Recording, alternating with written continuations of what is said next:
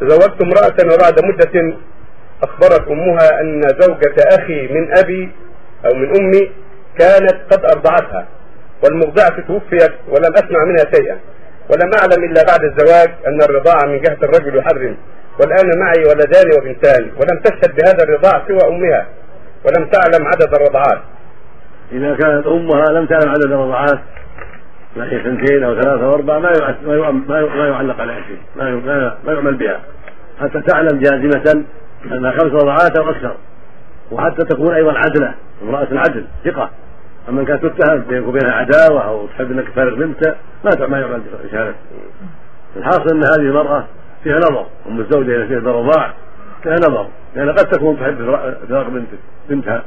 قد تكون زائلة عليه على الزوج. تحب أن يفارق بنتها فتشهد بالرضاعة فالحاصل إذا كان ما عندها ضبط للرضاع فالحمد لله ما يعمل عليه.